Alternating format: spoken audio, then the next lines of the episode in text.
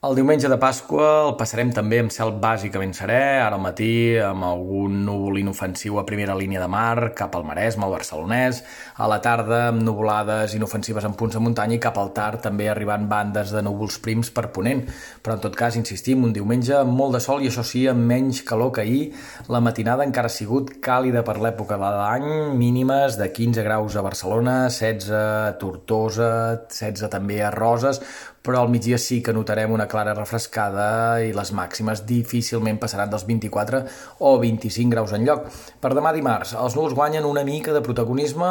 encara una jornada amb molt de sol, però això sí, ja amb algun primer ruixat de tarda al Pirineu de Lleida. Les temperatures continuaran a la baixa i recularan un parell de graus més respecte a les d'avui.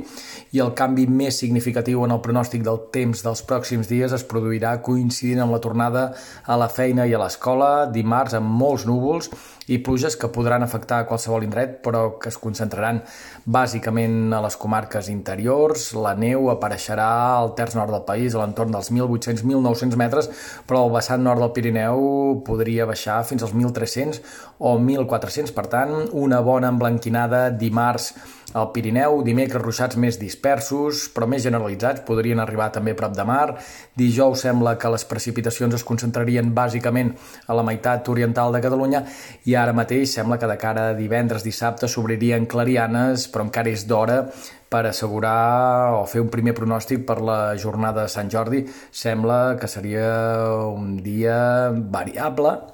amb la possibilitat ara mateix d'algun ruixat cap a l'extrem nord-occidental de Catalunya, comarques bàsicament de Lleida, però en tot cas, ara mateix sembla que la situació milloraria de cara al tram final de la setmana, però això sí, les temperatures es mantindrien a ratlla i l'ambient seria el que pertoca per l'època de l'any.